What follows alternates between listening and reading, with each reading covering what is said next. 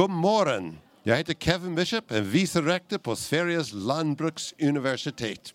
Vi vill välkomna er till en poddsändning här som är Hetestolen var forskning, forskning möter, möter politiken.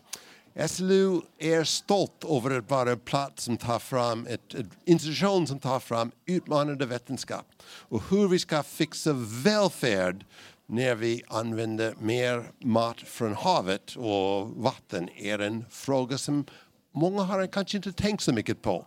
Men här på SLU tänker vi på det.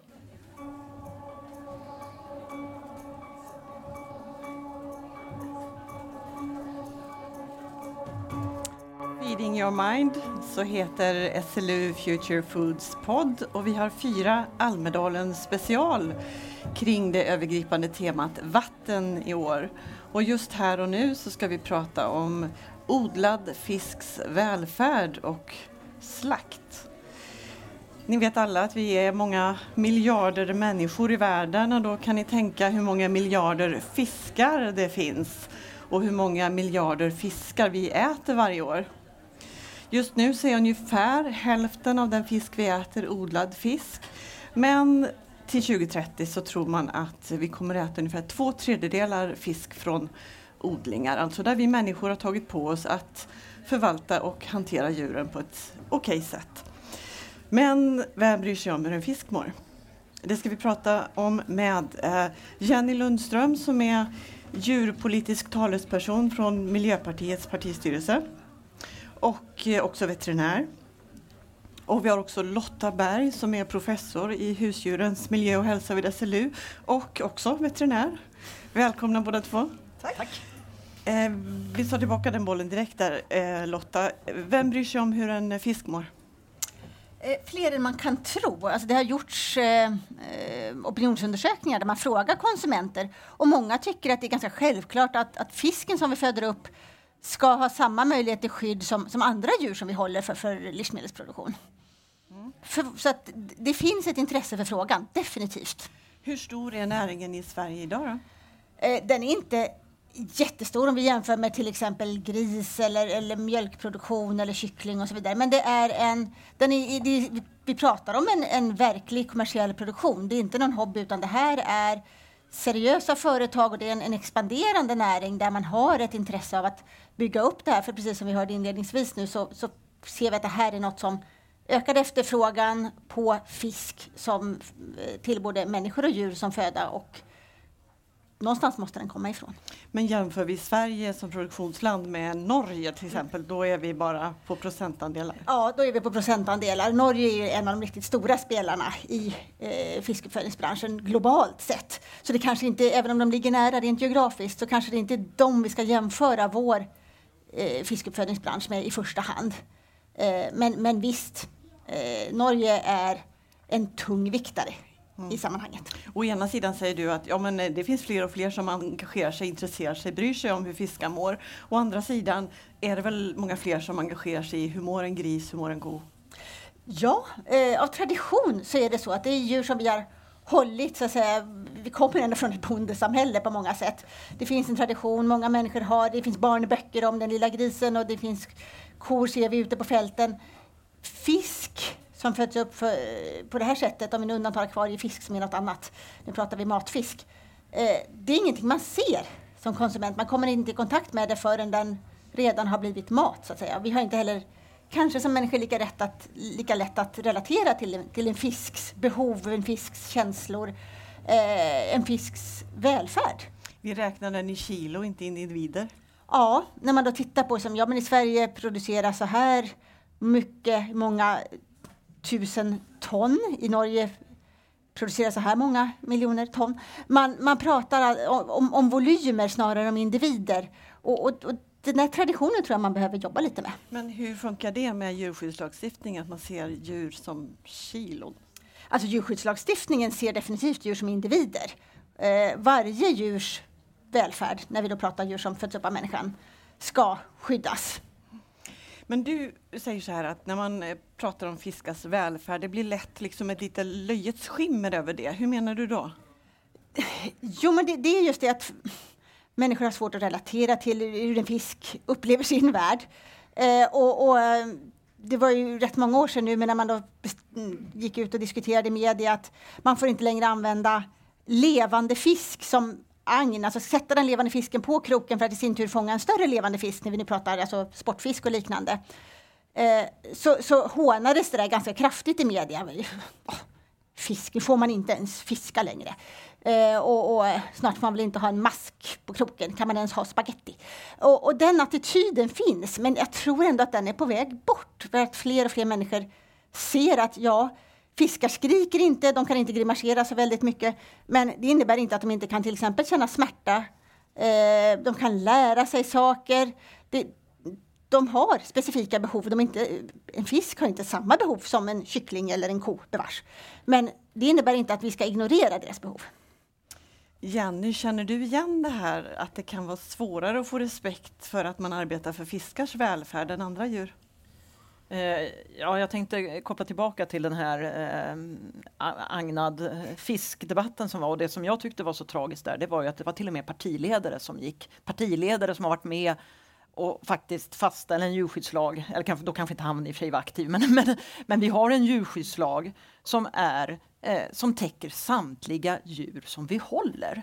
Eh, och, och, håller vi djur, då gäller djurskyddslagen. Och att inte visa respekt för det som politiker, det, det gjorde mig faktiskt väldigt bekymrad.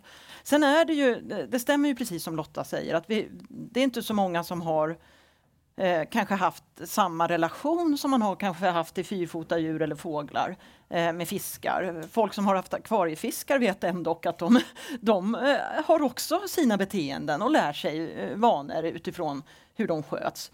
Eh, men, men som sagt var, nu är det matfiskar vi ska prata om. Men det är ju självklart att eh, våra djur har sinnen. För det, jag menar, du kan inte överleva i en värld. Eh, evolutionärt så är ju liksom att kunna känna smärta, att kunna känna rädsla eh, livsviktiga beteenden för att kunna undfly faror. Men du, eh, du, ser dig ju som en politiker då som vill faktiskt engagera dig för fiskars välfärd. Hur visar sig det konkret i ditt politiska arbete? Alltså dels så handlar det, eh, alltså som, som, som politiker, nu, nu sitter jag i partistyrelsen så att, och jag är inte djurpolitisk talesperson utan djurpolitiskt ansvarig i, i partistyrelsen. Den djurpolitiska talespersonen är, den, är, är Elisabeth Falkhaven som sitter i riksdagen. Mm. Eh, men, men hon är inte här den här veckan så att då, då fick jag rycka in. Men, men jag menar, politikens roll är ju att faktiskt fastställa de övergripande regelverk som vi har för djurhållningen. Och det gör vi ju genom djurskyddslagen som nu är helt ny. Sen 1 april, den beslutades förra året av riksdagen och sen 1 april gäller den. Och, men även den djurskyddslag som den ersatte var ju inte, alltså den, den var ju inte artspecifik på något sätt utan det handlar om vilken djurvälfärdsnivå ska vi ha för de djur som vi håller. Eh, och eh, eh det som är intressant med den nya lagen då, det är ju att den, den har förtydligat lite grann. Alltså det, det, handlar om att främja en god djurvälfärd. Det handlar om att säkerställa att de naturliga beteenden kan utföras och det handlar om att, att eh, förebygga beteendestörningar. Eh, vilket jag känner är, är, faktiskt viktiga steg framåt nu som vi har tagit genom den nya lagstiftningen. Mm. Sen har vi förordningen där, där vi politiskt har djurskyddsförordningen där, där vi politiskt har sagt vissa saker som vi i politiken faktiskt tycker är väldigt viktiga. Som att eh, korna ska kunna gå ut, att suggorna inte ska vara fixerade. Och så finns det rävar ska kunna gräva. Och vad ska vara fiskarnas eh, ja, grej fiskarna, här då? Fiskarna har nog ingen, ingen grej i djurskyddsförordningen, mig veterligen. Men, men däremot så har ju sen Jordbruksverket att fastställa de detaljerade föreskrifter för alla djur som vi håller som tamdjur. Det ligger ju i deras uppdrag. Men eh, Lotta, om man bryr sig om fiskars, odlad fisks välfärd så blir det rätt snabbt klart att det finns brister. Det skulle kunna vara mycket bättre till exempel kring slakt. Vad är det som inte är bra där? Det, det vi ser där är ju att i och med att det här med, med fiskuppfödning, fiskodling har blivit stort först på senare år så finns det inte hela det här grundregelverket så detaljerat som det gör för de andra djurslagen, lite det vi var inne på här. Att Eh, det nämns, de ingår i djurskyddslagen. Eh, det, vid slakt till exempel så, så, finns det regler som säger att djur vid slakt, inklusive då fisk som inte nämns specifikt, ska eh, behandlas väl och skyddas mot onödigt lidande i den processen också. Men sen kommer man inte längre. När det då finns för andra djurslag så står det vilka bedövningsmetoder som ska an användas, hur de ska användas, det är allt ifrån gaskoncentrationer till strömstyrkor och så vidare. Eh, och hur man kontrollerar att de är ordentligt bedövade, alltså medvetslösa när de sedan slaktas och avblodas. Eh, de detaljerna finns inte för fisk. Och i Sverige används koldioxidmetoden som inte alls är bra säger du? Ja, eh, så, så är det. Och koldioxid för bedövning är ju omdiskuterat även för andra djurslag. Eh, men på till exempel fjäderfä så ser man ändå att det idag är den minst dåliga metod vi har att ta till. På gris försöker man hitta andra metoder som är bättre men även där har den sina fördelar. På fisk däremot så, så är forskningen ganska ensam om att nej, koldioxid är inte en bra metod. Och då undrar man Jenny, hur kan det vara så i ett land som Sverige då, som håller fanan högt, vi värnar djurskyddet. Och så har vi oreglerade slaktmetoder och det, och det undrar faktiskt jag också över. Och, eh, Eh, Norge kör ju elbedövning eh, och där har ju Mattillsynet eh, satt upp ett regelverk för det. Eh, så att eh, och jag tror det, det ligger väldigt mycket i det du säger att det här är lite nytt och vi har inte den erfarenheten, det har liksom inte jobbats fram. Men samtidigt så, så har Jordbruksverket ett väldigt tydligt uppdrag faktiskt att, att utfärda föreskrifter. Sen har ju branschen ändå tagit fram en branschriktlinje eh, och eh, jobbar för att få fram en märkning som heter odlad med omsorg som då täcker hela uppfödningen. Eh, men när det gäller slakten så säger man liksom mm, forskningen är oklar, vi vet inte. Så det finns inga riktigt speciella. Det säger liksom ja, man ska gå in i medvets... Liksom, bedövningen ska funka mm. snabbt och sen så ska man avblodas. Vilket är det som står i, våra, djurskyddsförordningen. Liksom. Ja. Så, så, att, så att, eh, men jag känner lite grann att eh, med tanke på det Lotta säger om att det finns väldigt tydliga belägg för att eh, koldioxidbedövningen inte är bra på fisk och vi har en annan praxis i våra omgivande länder så, och vi har också faktiskt en, en aktör här i salen som använder eh, elbedövning på sin odlade fisk ja. och med, upplever en god erfarenhet utav det. Men, men varför är inte det gängse metod då? Vi får nog fråga Jordbruksverket om det. Ja, det, alltså, nu är inte Jordbruksverket nej, här. Nej, vi har ingen representant för Myndighetssverige här. Men, men det har ju också varit så att alltså, det här är ju ett område när det gäller just slakt av, av djur generellt, EU styrs ju också på EU-nivå, ska vi komma ihåg. Och där finns ju en förordning då om, om djurskydd vid slakt och avlivning. Men där valde man att inte ta upp eh, fisk specifikt, annat än att säga att de ska skyddas mot onödigt lidande vid slakt. Men man, väljer att, man valde att inte gå i detalj. Eh, för att man tyckte inte att man hade tillräckligt mycket forskning på fötterna för att komma med skarpa eh, bestämmelser då, men det har gått ett antal år sedan dess. Så att eh, det gäller ju då att fånga upp den nya kunskap som kommer och det har ju då vissa länder har ju som Jenny nämnde här, Norge har gått före eh, och eh, har valt att förbjuda koldioxiden. Och det finns fler länder som är på väg åt det hållet så att även, och även branschen har ju ett intresse av att det här görs på ett bra sätt. Och om vi blickar framåt där då, om jag förstår dig rätt Lotta, så säger du att branschen har ju potential att växa kraftigt. Eh, forskning pågår. Det finns ett bra eh, så att säga, dialog mellan, så det finns eh, potential att göra ganska rätt eh, från och med ganska snart.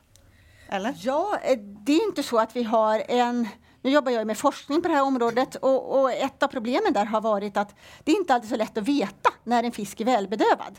När vi pratar däggdjuren och fåglarna så vet vi rätt mycket om hur vet vi när djuret verkligen är medvetslöst. På fisk har vi haft ganska dåligt med sådana indikatorer och vet man inte det så kan man inte heller säga vilken metod som är bra. Så att där har vi, man får liksom backa ett steg och titta forskningsmässigt på vart är vi på väg, vilka metoder ska man satsa på? Och det får man säga då till lagstiftarens försvar, att så länge det inte finns entydigt att, att gör så här så blir det bra, så är det också svårt att lagstifta. Eh, men vi är på väg dit, det finns uppdrag på gång, det finns forskning på gång. Så att det här är något som kommer inom en relativt snar framtid tydligare riktlinjer för. Det är jag helt övertygad om. Men det här att säga när vi är framme vid en djuretiskt hållbar eh, uppfödning och slakt, det blir ju ännu svårare att säga då, eftersom vi inte ens riktigt vet när är vi där. Eller? Nej, och, och, dessutom så vad som är etiskt acceptabelt och inte, det är en uppfattning där man ändrar sig över tid. Allt eftersom samhället gör framsteg. Det som var etiskt acceptabelt på 60-talet är inte alltid det idag. Och det som vi tycker är etiskt acceptabelt idag kanske är förkastligt om 20 år. Eh, och det, där måste vi forskare driva på för att hitta metoder som kan fungera bra i praxis. Det finns sådana metoder idag. Det är inte så att det är ett, ett blankt papper.